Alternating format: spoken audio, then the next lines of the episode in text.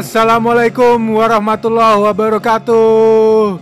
Om Swastiastu, Shalom, Namo Buddhaya, Salam Kebajikan. Kembali lagi di Pandits, eh di Pandits, di Jakarta Pandits bersama tiga pandit amati ribu kota karena Pandit Humble sedang berhalangan. Ada gua Diego, Ada gua Pam. Ada gue Olid.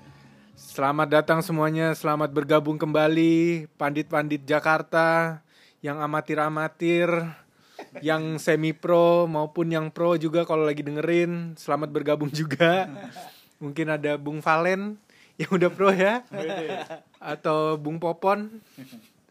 Popon Popon Penaro ya. Iya, Bung Popon sebagai penyeimbang di lini tengah ya kan.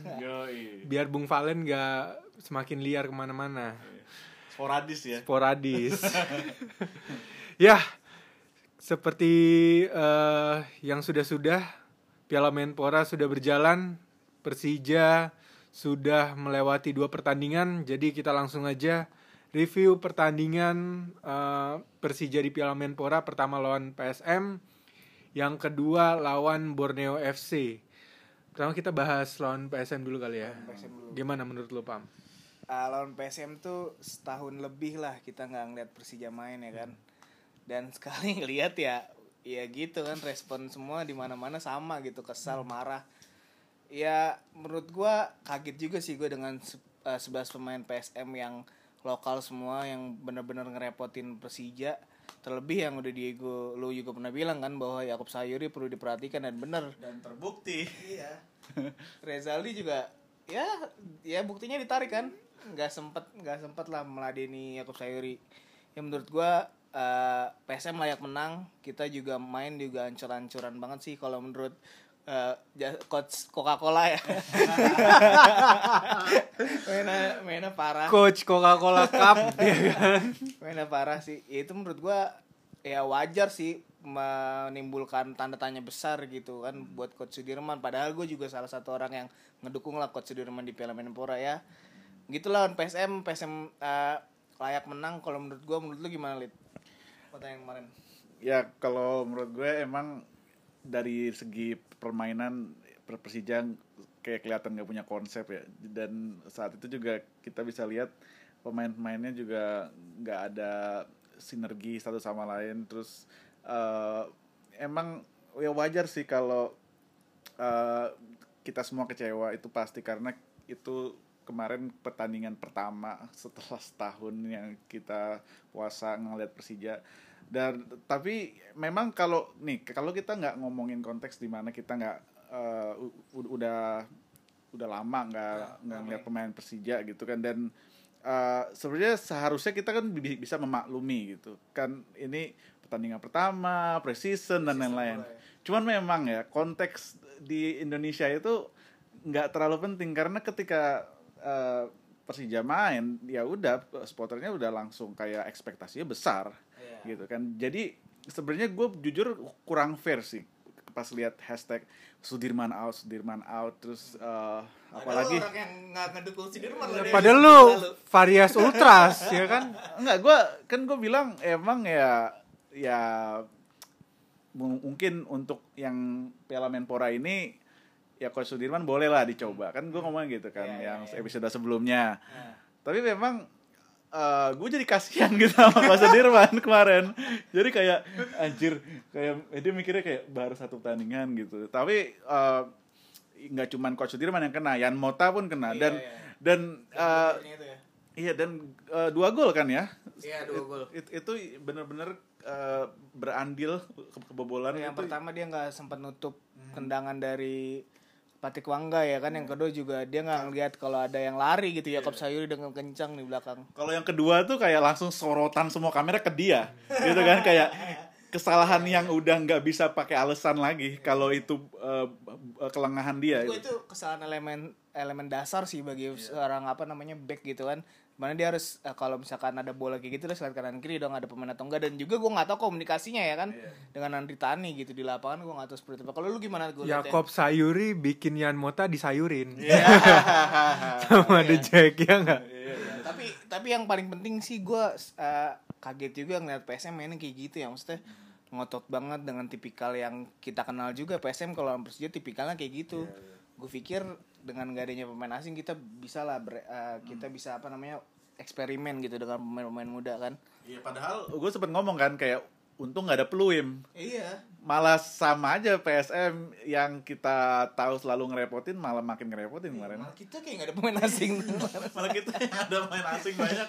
Jadi ya Iya sih kemarin sangat mengecewakan suatu de- debut yang memang harusnya sudah dilupakan ya. Iya. Dan menurut gue juga uh, gue komentarin ini sih Simi kan dia baru datang dari Italia kan terbang dari Italia tuh baru empat hari dia latihan udah terbang ke Makassar. Dan menurut gue emang ya sulit juga kita berekspektasi lebih sama yang seperti di awal kita bilang. Tapi ya ini Piala Menpora gitu siapa sih yang yang katanya ya hadiahnya gede kan fee-nya besar ya. Menurut gue pemanasan yang layak ditunggu sih karena gue pengen ngeliat nih Persija lolos bukan untuk juara tapi gue pengen lihat Persija main di lapangan yang bagus itu sih gue karena gue mikir kayaknya rumput di Kanjuruhan terlalu berat sih buat permainan Persija nggak berani main yang biasa kita lihat di tahun lalu gitu kan. Berarti seharusnya kita main di Manahan dong ya. iya seharusnya Iya. di babak selanjutnya main di mana atau di Sleman sih. Itu sih. Entitled banget kita berarti ya sama lapangan bagus. iya gue menurut gue iya lihat enak aja Iya, gitu. Gue iya, iya. gue menarik nih ngeliat pertandingan PSIS gitu. PSIS dengan main yang menurut gue salah satu permainan yang bagus gitu di Piala Menpora dia bisa memaksimalkan pemain memaksimalkan lapangan juga. Ya gue juga ya pasti Persija bisa lah main kayak gitu. Cuma ya kita tahu lah lapangan di Kanjuruhan berat ya kan. Persija juga sebenarnya jarang menang loh di Kanjuruhan. Hmm, iya. kecuali lawan Arema. Kalau Arema satu sama. satu sama terus ya kan. Lu gimana gue buat Iya. pertandingan apa sih kalau kalau lu lihat ya pelatih Sudirman kurang apa sih di mata lu kalau menurut lu?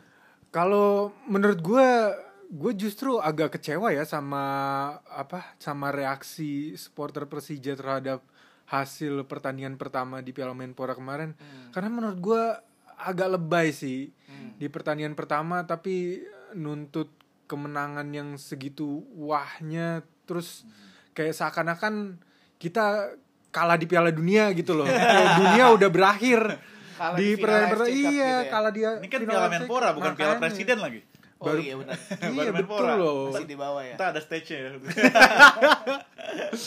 nah itu gue agak menyayangkan itu sih. Sebenarnya eh, agak sayang aja pada pada Tapi, lebay reaksinya kalau kalau gue teliti lagi mungkin ini gue salah juga ini mungkin pendapat gue juga Hmm. ya mungkin kita gua atau lebih tepat ya gue tuh kesel bukan gara-gara kalahnya tapi mainnya emang jelek Iya, banget iya. sih maksud gue kalau kalah 2-0 dengan permainan kita yang bagus gitu dengan ada peluang-peluang yang dipatahkan Iya. tapi mainnya jelek banget gitu passing salah Iya. dari lini tengah ke lini depan terlalu jauh hilang bola gitu aja ya kan Iya sih gue kalau uh, misalnya pemainnya bisa bener-bener paling enggak kayak ngasih suatu effort dikit lah yang yang memang saat itu kan uh, kalau lu pakai perspektif orang yang baru langganan video.com pertama kali gitu dia baru langsung langganan video.com untuk nonton pertandingan ini doang Iya, kan iya. setelah setahun nunggu Iya. ah oke lah gue bayar lah video.com kan Iya. kan cuma pengen lihat Persija terus mainnya gitu ya kesel juga wah langsung itu video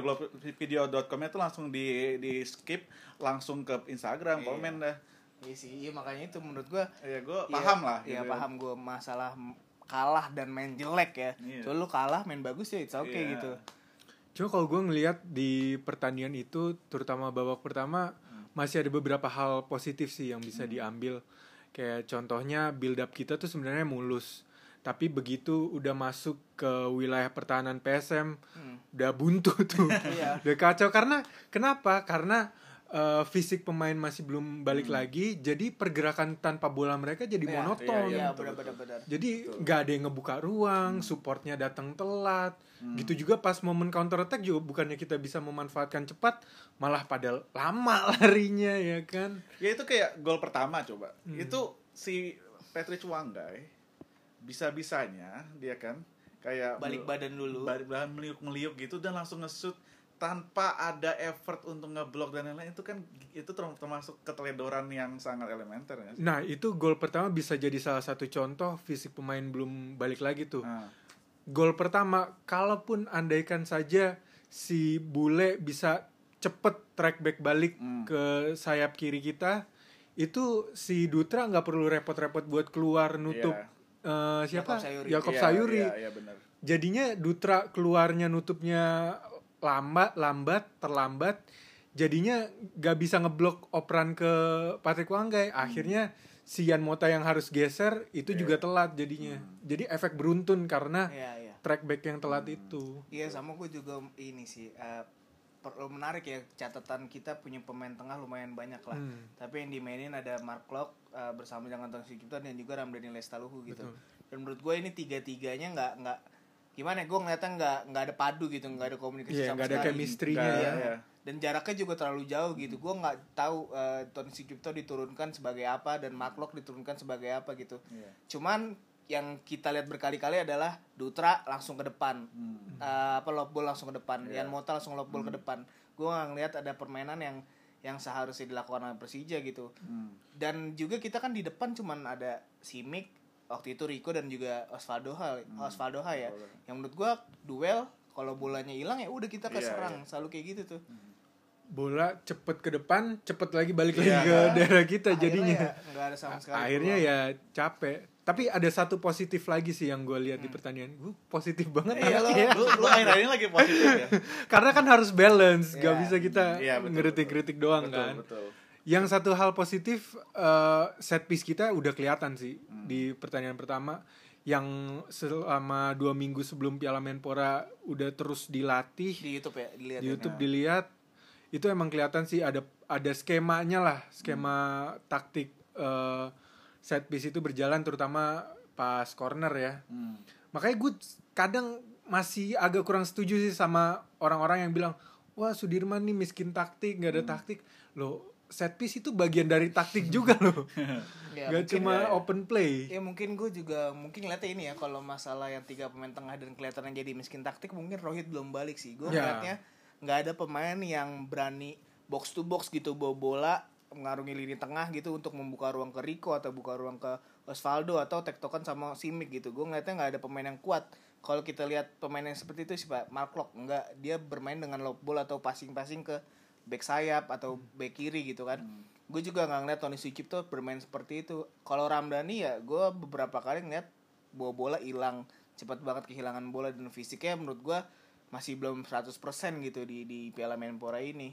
Dan menurut gue emang Ramdhani itu bukan pemain yang dianugerahi visi bermain yang bagus ya. Ya, jadi kayaknya kurang cocok dia dipakai di eh, belakang Simic di ya. belakang si Mix itu. Itu yang yang menurut gua wajar kalau misalkan ada orang yang bilang uh, miskin taktik. Karena datangnya Brevatari nih masuk ke babak kedua. Menurut gue sebenarnya ada perubahan. Tapi cara bermainnya yang nggak berubah. Hmm. kalau Brev masuk ya dia berubah karena tipikalnya dia kalau cara bermainnya nggak berubah ya sama aja bohong kan masih lob bol bol ke atas gitu sedangkan Braif bukan tipe yang bisa tarung di udara Iya. dan ngambil-ngambil lob ball kayak gitu ya nggak iya benar-benar dan akhirnya kita ada di posisi bawah tuh ya di peringkat paling bawah peringkat Paling bawah. 4 sementara Bayangkara menang lawan eh, Barito eh Barito lawan Borneo Hmm. kita kalah 2-0 dari PSM Hmm.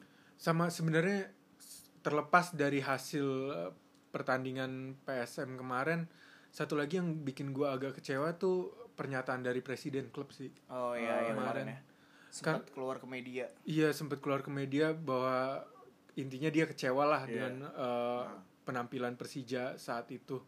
Kalau menurut gue harusnya presiden nggak mengeluarkan statement seperti itu sih. Biar bagaimanapun seorang presiden tuh harus melindungi tim kalau menurut tapi gue. itu mungkin karena pressure dari supporter Persija lebih kencang juga kali ya ke manajemen ya maksudnya iya kita juga tahu Iya. kayak gitu kan Jadi seakan-akan kayak manajemen harus ikut buka suara agar ber- mem- berada di posisi jajaran supporter. Iya, Ya kan? Tahu itu bagian melindungi tim sih menurut gua. Iya. Tapi nggak tahu juga kan Iya, kita maksudnya juga apa tahu ya. sih. Tapi kan memang yang benar kata Diego eh, untuk eh, kalau kita lihat dari seharusnya selayaknya itu Hmm. ya presiden itu kan melindungi eh, tim dan pemain-pemainnya di dari amukan media massa dan lain-lain. Cuman eh, mungkin saat itu eh, ya ada acceptance dari kalau misalnya oh tuh presiden kita aja ngomong yang sama gitu. Oke. Jadi akhirnya akhirnya merasa dibenarkan kan Tapi untungnya juga kita menang di pertandingan Iya. selanjutnya loh. Iya, itu dia. Iya kan? Untungnya menang di pertandingan selanjutnya. Kalau kalah, wah, Kayak all hell breaks loose sih kayaknya. soalnya kalau kalah langsung langsung pulang Iya, pulang. Dan kita harus mencari turnamen-turnamen baru ya. ya, Piala mungkin, Menpora. ya mungkin sekitar Jakarta kan ada Dewa United, Iya. ada Cilegon United yang baru dibeli. trofeo Jabodetabek, ya kan? Iya. Atau piala kecamatan juga bisa kan. Turun turun ini, turun Iya, kemarin level. juga ada insiden ya beberapa kali eh Patrick Wanggai kan eh, memprovokasi lah menurut gue. Emang itu part of the game dari Patrick Wanggai. Berkali-kali juga kita tahu di Liga Indonesia kayak gitu kan. Sampai ada momen Patrick Wanggai ya di headspace di Instagramnya dan itu juga dia gue pertama kali eh, lihat tuh di Twitter sih ada di di up sama medio klub Indonesia apa kalau nggak salah. Dan itu menurut gue sampai di mana-mana kan yang yang mengeluarkan statement gitu. Menurut lu gimana sih kalau seharusnya ya itu kan udah masuk ke ranah private ya dengan rasis-rasis hal-hal yang kayak gitu.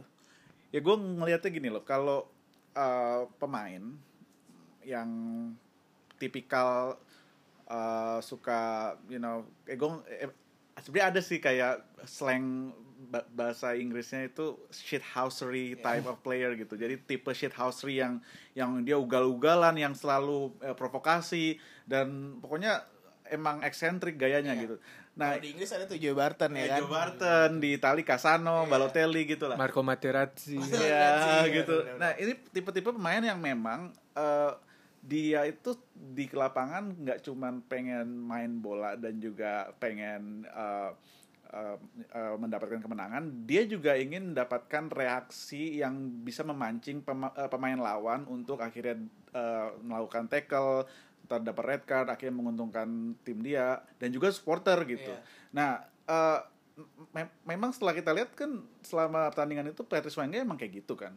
Dan em, ketika kita disuguhkan provokasi seperti itu, itu kembali ke kita sendiri apakah kita terprovokasi. Iya, iya. Nah, nah kalau misalnya kita terprovokasi berarti dia menang dong. Maksudnya ke- eh, apa yang dia lakuin itu sukses gitu. Berhasil ya. Berhasil. Cuman memang yang namanya itu kadang kita mikirnya itu bagian dari banter. Banter itu kayak lu ngejek-ejekan, Ceng-cengan ya. ceng-cengan, tapi ya itu bagian dari part of the game gitu. Iya. Nah, ketika udah udah masuk eh, udah eh, ke ranah eh, rasis, ke ranah eh, superiority eh, skin color wa- warna kulit dan lain-lain, itu udah di luar itu gitu. Dan eh, ya selain kar- selain karena memang mungkin itu sosial media yang orang asal tulis gitu bisa pakai second account ya. nggak segampang Anonim itu ya. anonim tapi itu tetap terjadi dan memang gue salut sama Persija udah taking stand akan itu. Dan Mark Locke juga di, di Twitter pertama kali Mark Locke kan yang this is disgusting dan lain-lain kan. Emang emang ketika udah ke ranah itu itu udah di luar banter di luar eh, apa kayak ejek-ejek kenceng-cengan ini ini pure emang racism dan dan so far gue salut sama sama klub kita yang bisa bener-bener em, eh, nggak pakai uh, Fafifu was wes was Iya, iya, langsung Persija against racism Iya. gitu dan ya it- it- kayak it was the right move lah tetapi memang uh, itu menjadi pelajaran bagi banyak uh, Pihak. pihak yang yang namanya provokasi ya itu harus bagian dari jadi edukasi jangan kena lagi gitu Iya, karena kan ya kita tahu lah PT Kuangge mainnya kayak gitu. Kemarin juga ada tackling keras yang gua gua lihat tuh ke Mark Locke kan. Ya menurut gue itu harusnya eh, adalah pihak yang menurut gue Persija pemain juga nggak terpancing gitu. Kenapa kita sebagai supporter harus terpancing gitu kan? Ya menurut gue itu harus dipelajari lagi sih sama supporter-supporter yang yang gak gampang loh lu ngetik di media sosial terus lu nanti kena kasus segala macam. Menurut gue sayang aja kalau lu sampai ada di pihak seperti itu sih. Iya bikin malu juga. Iya itu Iya itu kan? yang penting. Kayak apa ke sana tuh kita bukan supporter dewasa yang nggak bisa membedakan uh, ceng-cengan biasa sama Ya. pure racism yang bener-bener uh, itu udah bukan alasan lagi untuk "Eh, ya kan tapi dia provokasi enggak bos ini udah beda.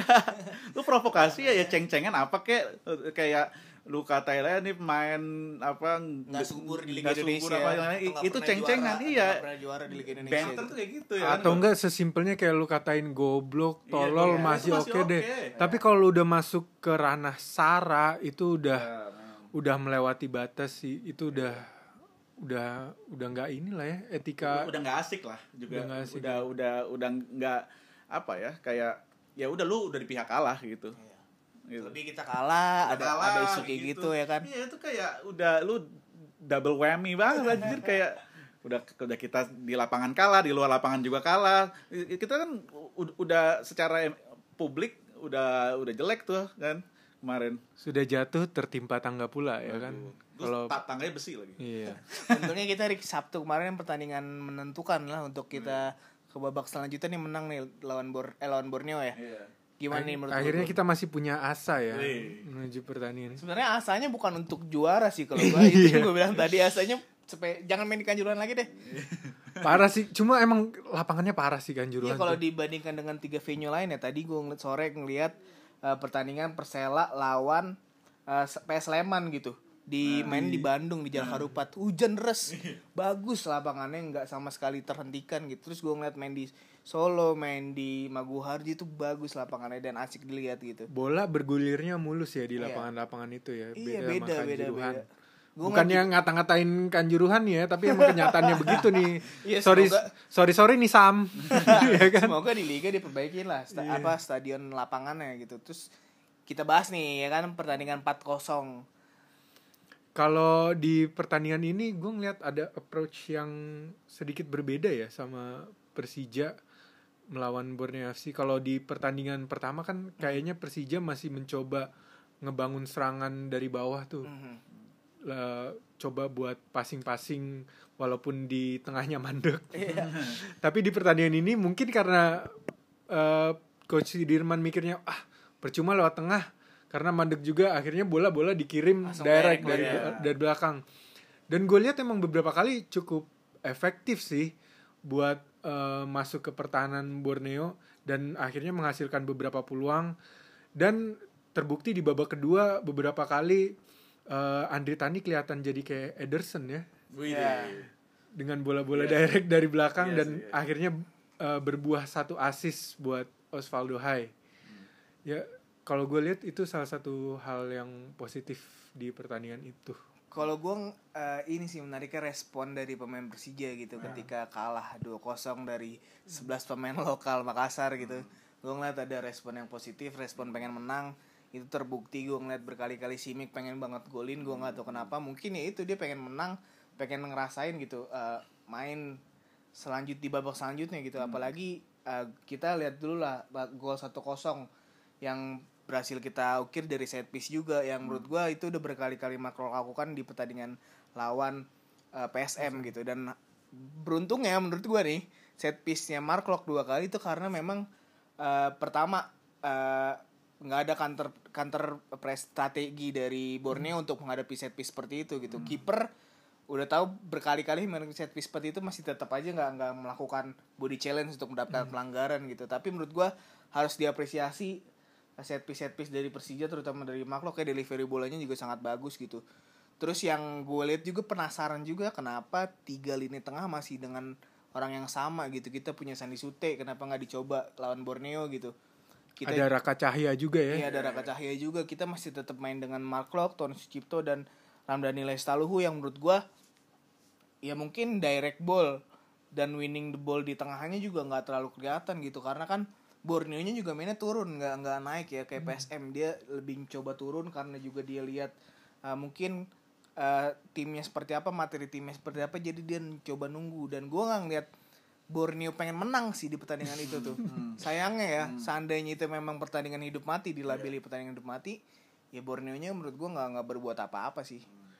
Apa kalau gue lihat tuh kemarin kita coba winning the ball tapi setelah kita won the ball tuh kita bingung mau ngapain Iya, ya nggak? Ya, Jadi akhirnya banyak yang membazir bolanya. Ya gue lihat juga di eh, babak pertama itu kita masih agak-agak sama kayak lawan PSM sih. Sama banget. Banget sih kayak ya gue mikirnya kayak ya udahlah emang ini udah udah layak untuk keluar dari turnamen. Iya, udah iya. udah udah sampai ke titik itu Iya. sampai akhirnya gol pertama kan. Iya. Dan gue akuin emang setelah gol pertama itu berubah permainan. Kayak kan half time ya. Hmm. Terus habis itu entah kenapa gue ngeliat Borneo mainnya linglung banget Iya. kayak udah langsung kena shock terapi abis gol pertama tuh terus gol-gol berikutnya gampang gol keduanya si Osvaldo Hai itu kan pure kesalahan si back tengahnya yang nggak bisa ngejangkau bola dari A- Rani Andritani dan Osvaldo Hai juga emang itu clinical finish ya bener-bener di dikolongin ya Iya. ya kan Dan itu eh, kita harus ngasih kredit buat Sudirman juga sih sebenarnya coach Sudirman karena dia berhasil menganalisis kelemahannya si Borneo juga yang akhirnya menginstruksikan pemain-pemain Persija untuk mengincar eh, ruang sayap atau ruang half space-nya Borneo di mana Yang telah turun. yang telah Telah turun. nah.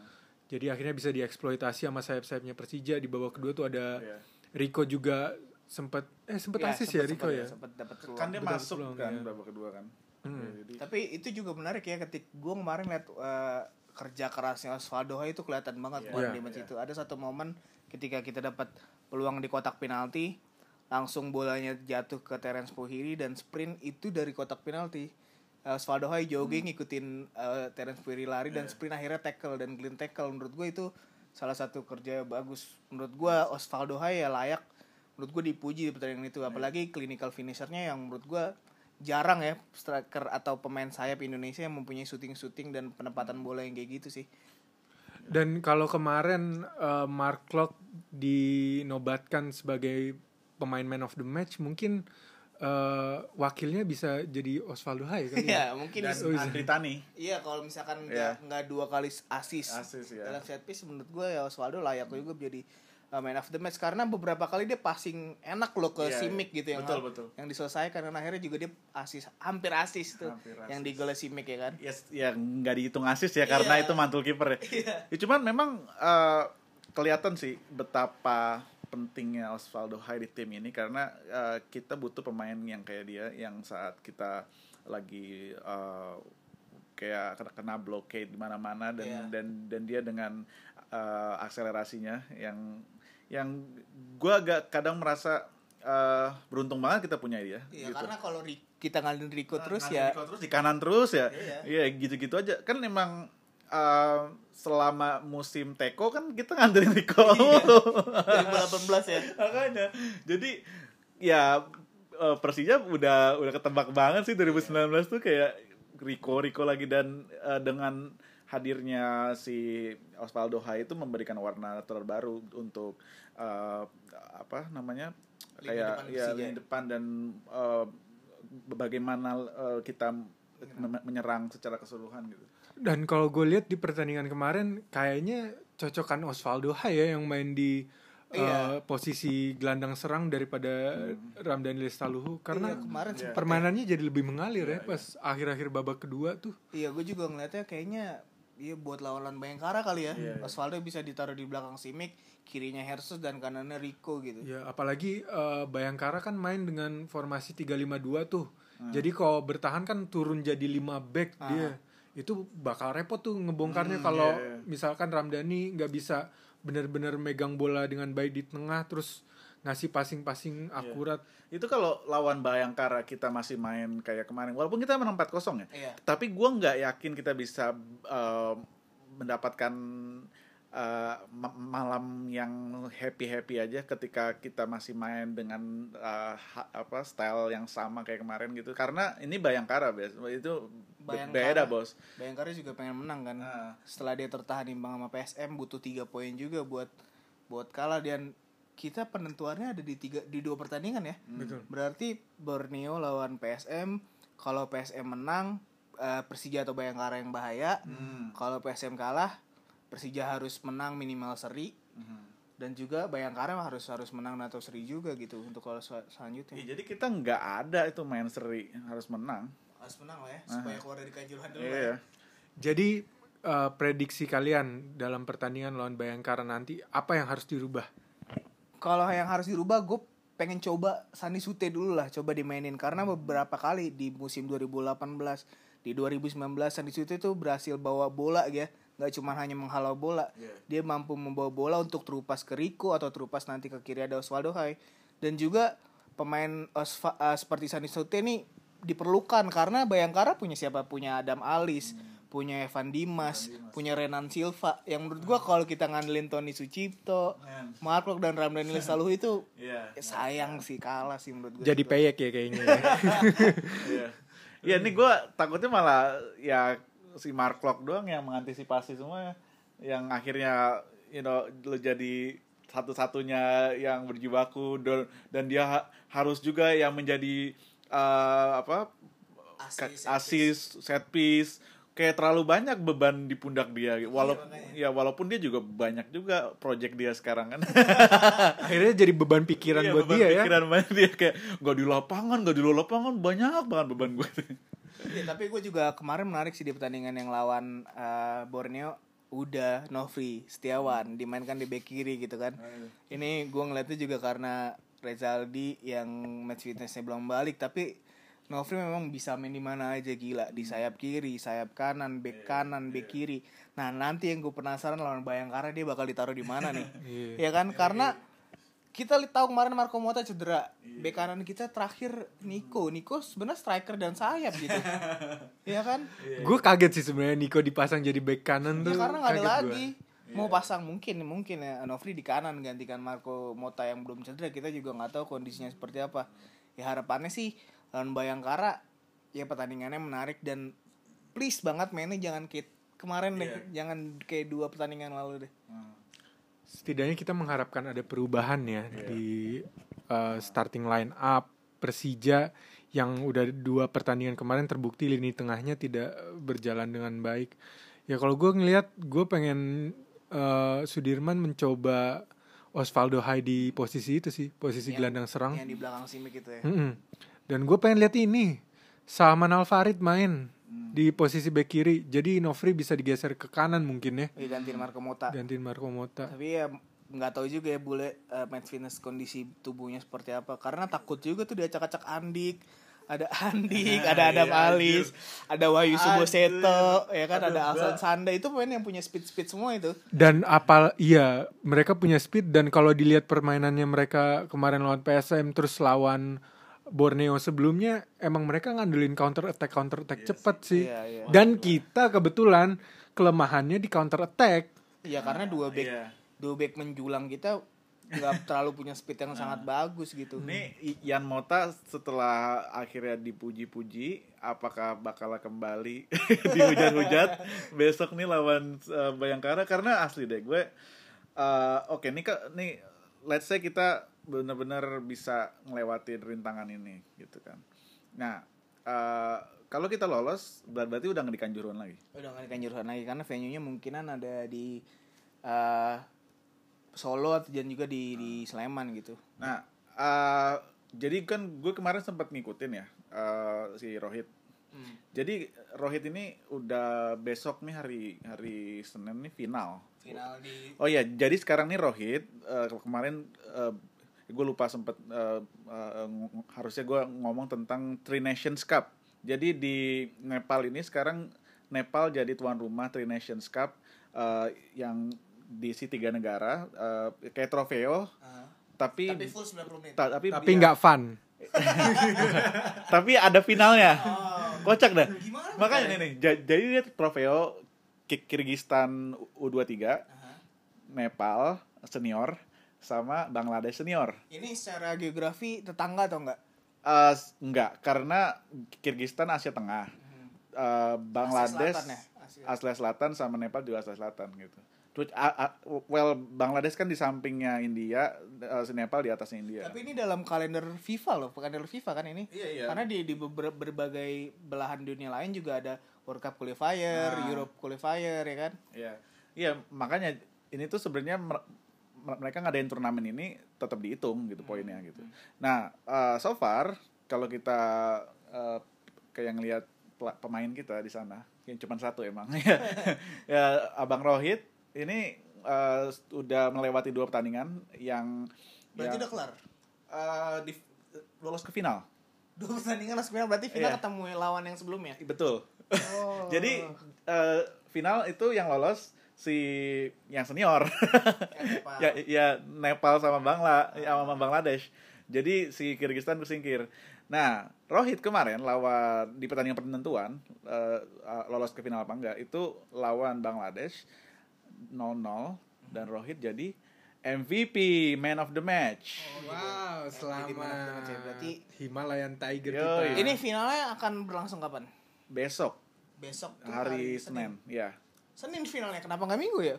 Kan baru kemarin Sabtu main, Oh. masa langsung Minggu main ngos-ngosan kasihan. Oh iya iya iya. Nah, kan trofeo. eh aneh juga ya. Ini- makanya ini ini eh, unik harusnya. banget ini anjir dia kayak mereka bikin sendiri Ini ini nggak bisa bikin konsep turnamen iya dari. Masa? Kayaknya butuh konsultasi dari Bapak Joko Driono kayaknya ya.